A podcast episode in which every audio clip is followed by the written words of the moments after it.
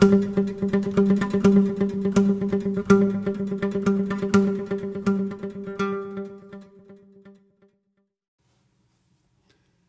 podcast heb ik gemaakt voor mijn nichtje Joan voor haar 22e verjaardag. Het doel ervan is iets te vertellen over het ontstaan van de pianosonaten. Aan de hand van een aantal luistervoorbeelden waar ik dan het een en ander bij vertel. Ik hoop voor jou dat het leidt tot het nog beter leren kennen en waarderen van de muziek een van de mooiste instrumenten die er ooit zijn gemaakt.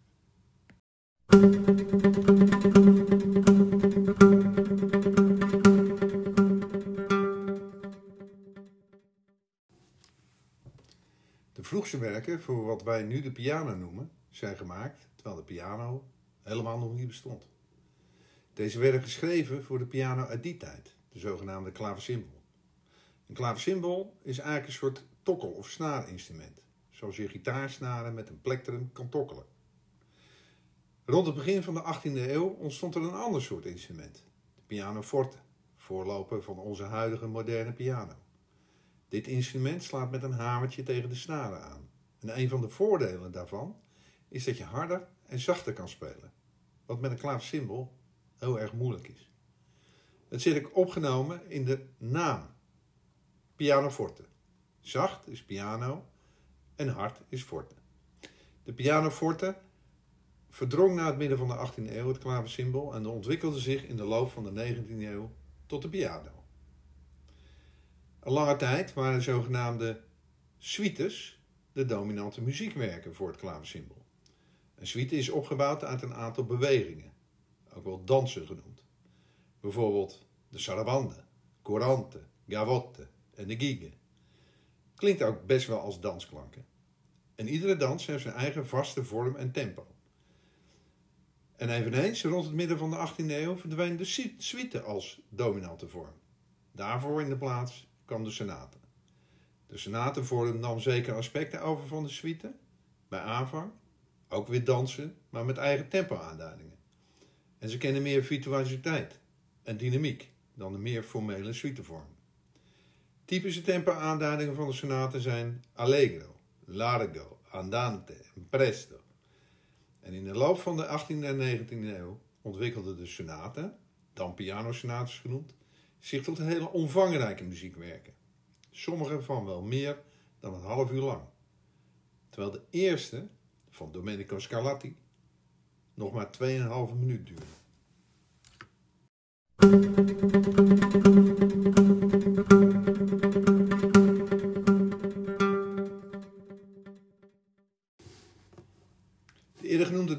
Scarlatti is een soort van de grondlegger van de sonatenvorm.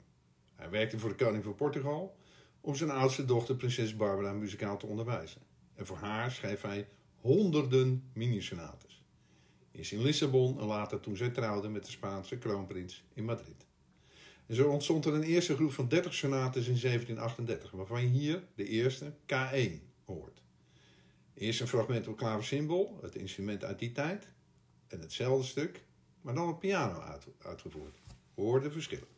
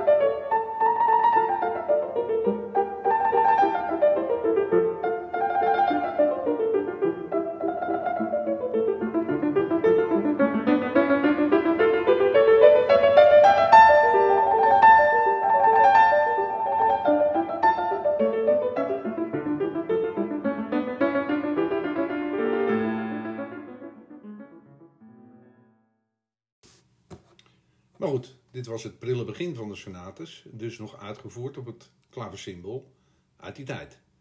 In de loop van de 18e eeuw veranderde dit dus en dan worden sonates uitgevoerd op de genoemde pianoforte. Tegelijkertijd breekt een hele nieuwe muziekperiode aan. Tegenwoordig noemen we dat de klassieke periode. Scarlatti componeerde nog in de periode die we de barok noemen. Een grootmeester van deze barokperiode was Johann Sebastian Bach. In zijn tijd niet als zodanig erkend, maar later is dat prima rechtgezet. Ik laat er even kort een aantal werken horen op piano. Dan weten we gelijk wat het hoogtepunt van de zogenaamde oude componeerstijl was.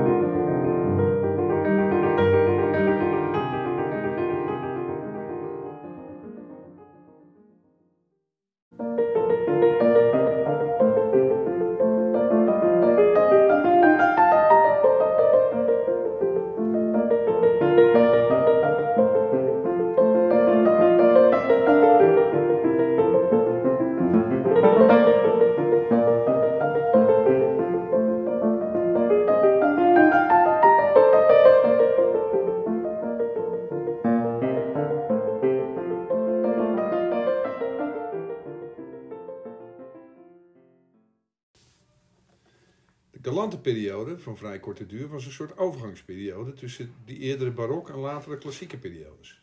En een van de componisten uit deze galante periode was een zoon van Johann Sebastian Bach, Karl Philipp Emanuel. De stijl was een overgangsstijl die snel uit de mode was, maar wel hele mooie muziekwerken op pianoforte heeft opgeleverd. Het volgende stuk van zijn hand schreef hij aan het eind van zijn carrière, toen zijn populariteit snel afnam. En als je eenmaal uit de smaak viel, was het automatische gevolg dat je inkomsten hard achteruit gingen. En de zonen van Bach, die in de 18e eeuw het stokje hadden overgenomen van hun vader, kwamen erachter dat ze uit de mode raakten. Het volgende fragment, gemaakt aan het einde van die carrière van hem, brengt het hoorbaar tot uitdrukking.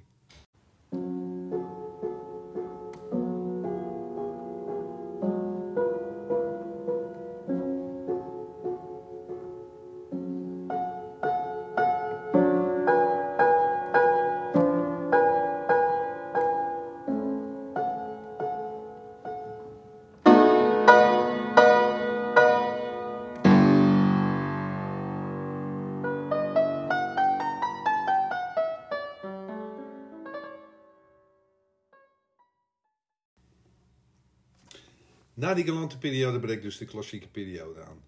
En twee grote namen vanaf het midden van de 18e eeuw zijn die van Haydn en Mozart in die tijd. En deze begonnen vol uitwerken te schrijven voor de pianoforte. Soms, dus ondanks de duidelijke klankverschillen tussen klaversymbol en pianoforte, werden de werken voor beide typen instrumenten geschreven. Maar we moeten bedenken dat een deel van de inkomsten voor deze componisten voortvloeide uit het publiceren van deze werken zodat vooral welgestelde, lees adellijke families, deze konden uitoefenen en een goede sier mee konden maken. En natuurlijk ruilde niet iedereen onmiddellijk zijn oude instrument, de klaversymbol, voor een nieuwe, de pianoforte, om. En overigens konden alleen welgestelde families zich überhaupt een dergelijk instrument veroorloven. Muziek en adel waren onlosmakelijk met elkaar verbonden en daar zat dus het geld. Hier twee voorbeelden van deze grote componisten uit die periode. Mozart met zijn beroemde Rondo alla Turca uit 1784 geschreven rond de geboorte van zijn eerste zoon. En daarna Haydn met een van zijn beste sonates uit 1795 geschreven tijdens zijn tweede jaar in Londen, bijna uitgevoerd op pianoforte.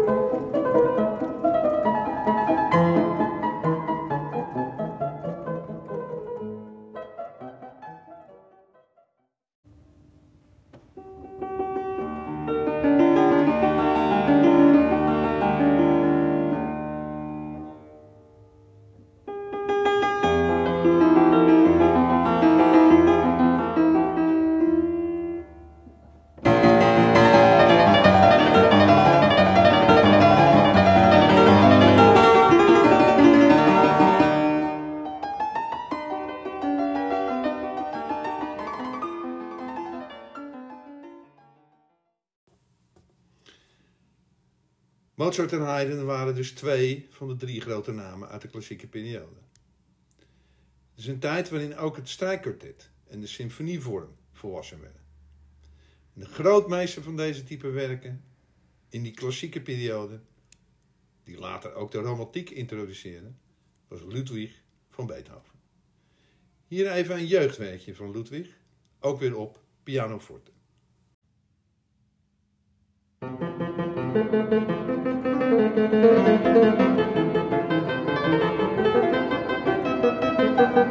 you.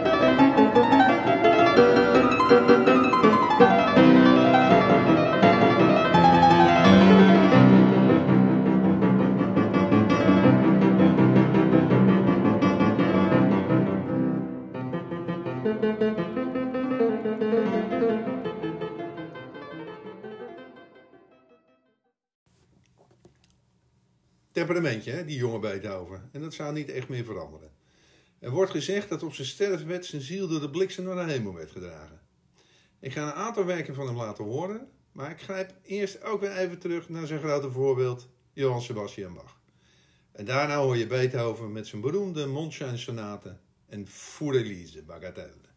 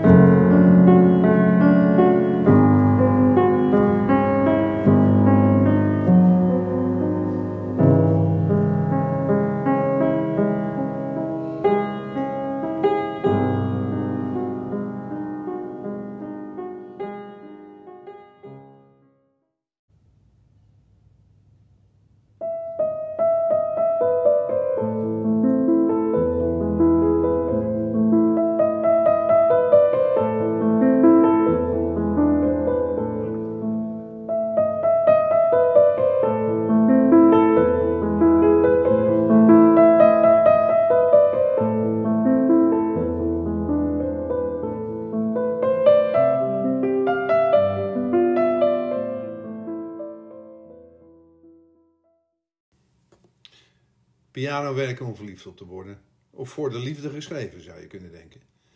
En die Beethoven was in zijn tijd echt een lievertje hoor. Realiseer je daarnaast dat Beethoven tijdens het laatste stuk, Vuur Elise, wat overigens mogelijk Vuur Therese heeft geheten, maar zijn handschrift was niet te lezen, rond de 40 was en praktisch al bijna doof. Maar dan moet zijn laatste grote componeerperiode eigenlijk nog aanbreken. En er zijn van die componisten die een soort buiten hun tijd hebben gecomponeerd. Ze maakten werken die niet in enige traditie lijken te staan. En zo het verleden, maar ook de toekomst in zich opnemen. Verwoven met elkaar. En dat geldt voor de pianosonates van Beethoven en zijn symfonieën, maar eerlijk gezegd nog meer voor zijn late strijkkwartet. Maar een van zijn laatste vijf pianosonates geeft hier ook uitdrukking aan.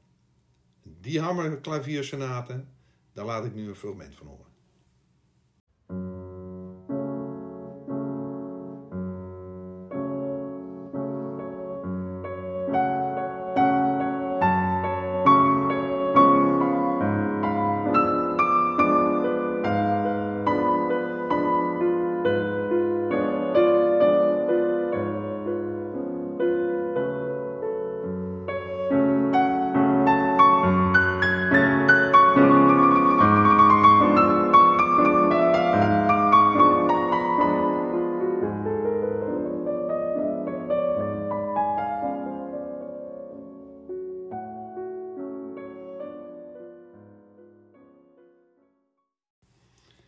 Tot slot ga ik je een paar voorbeelden geven van hoe de grote componisten elkaar complimentjes geven.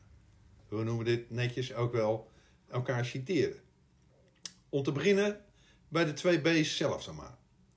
Bach componeerde ooit als opdracht voor een slapeloze zijn Goldberg-variaties. Beethoven op zijn beurt componeerde, componeerde later ook een aantal variaties, genoemd naar zijn opdrachtgever Diabelli, die zijn werken ook uitgegeven heeft. Het gaat hier niet zozeer om de gelijke luiding, maar om de gelijke thematiek.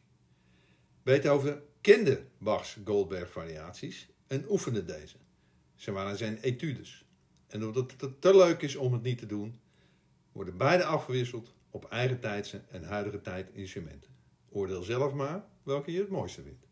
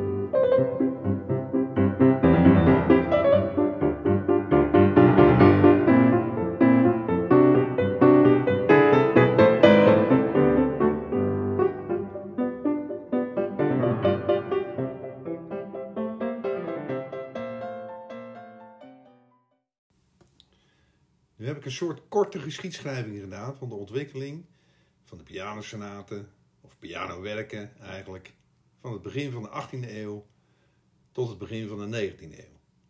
Daar is eigenlijk geen vrouw in voorgekomen. Waren die er niet, dan niet?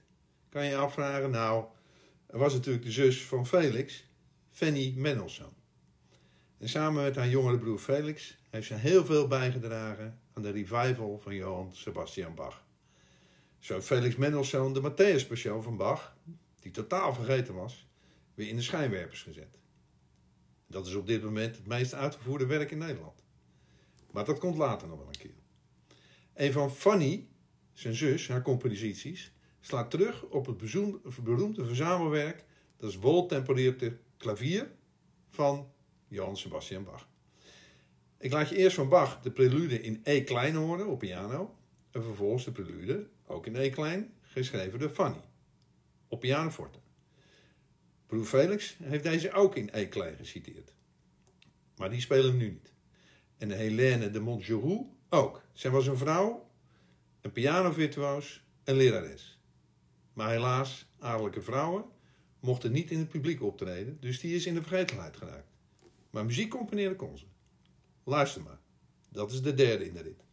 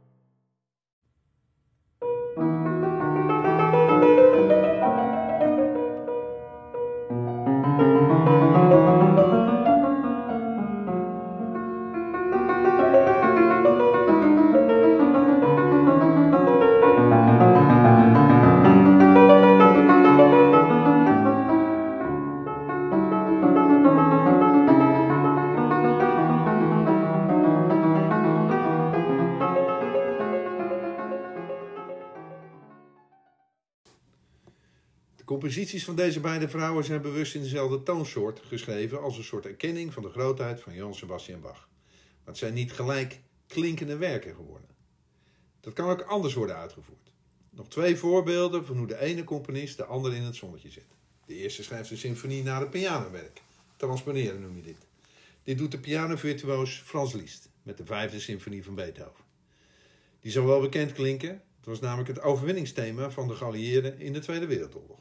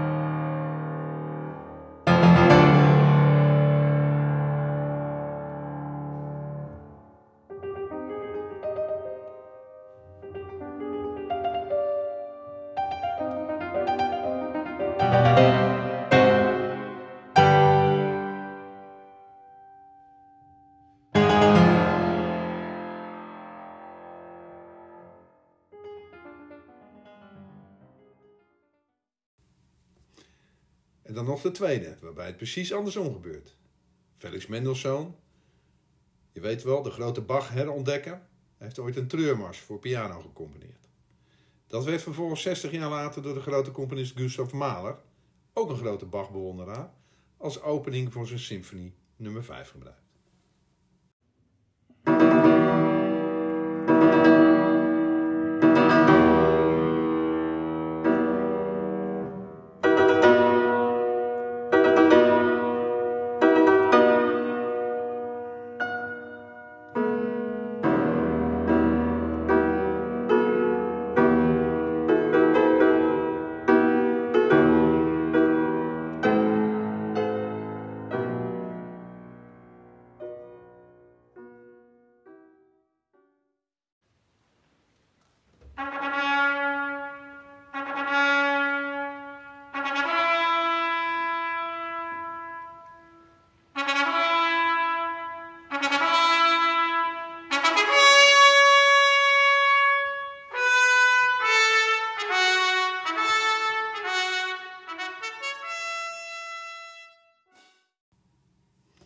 Zo komen we aan het slot. Ik heb je eigenlijk in 100 jaar tijd van Bach naar Beethoven geleid. En op het laatst kijken we nog even met Mendelssohn en Liszt om de hoek naar de romantiekperiode. Wie weet kom ik daar volgende keer nog een keer op terug. Ik hoop dat je hier in ieder geval van genoten hebt. En als laatste noot, want ja, deze twee componisten komen, worden natuurlijk in de moderne tijd ook geciteerd. Een jazzy Bach en vanzelfsprekend Beethoven. Enjoy, liefs, maak een mooi jaar van. Groetjes, Hein.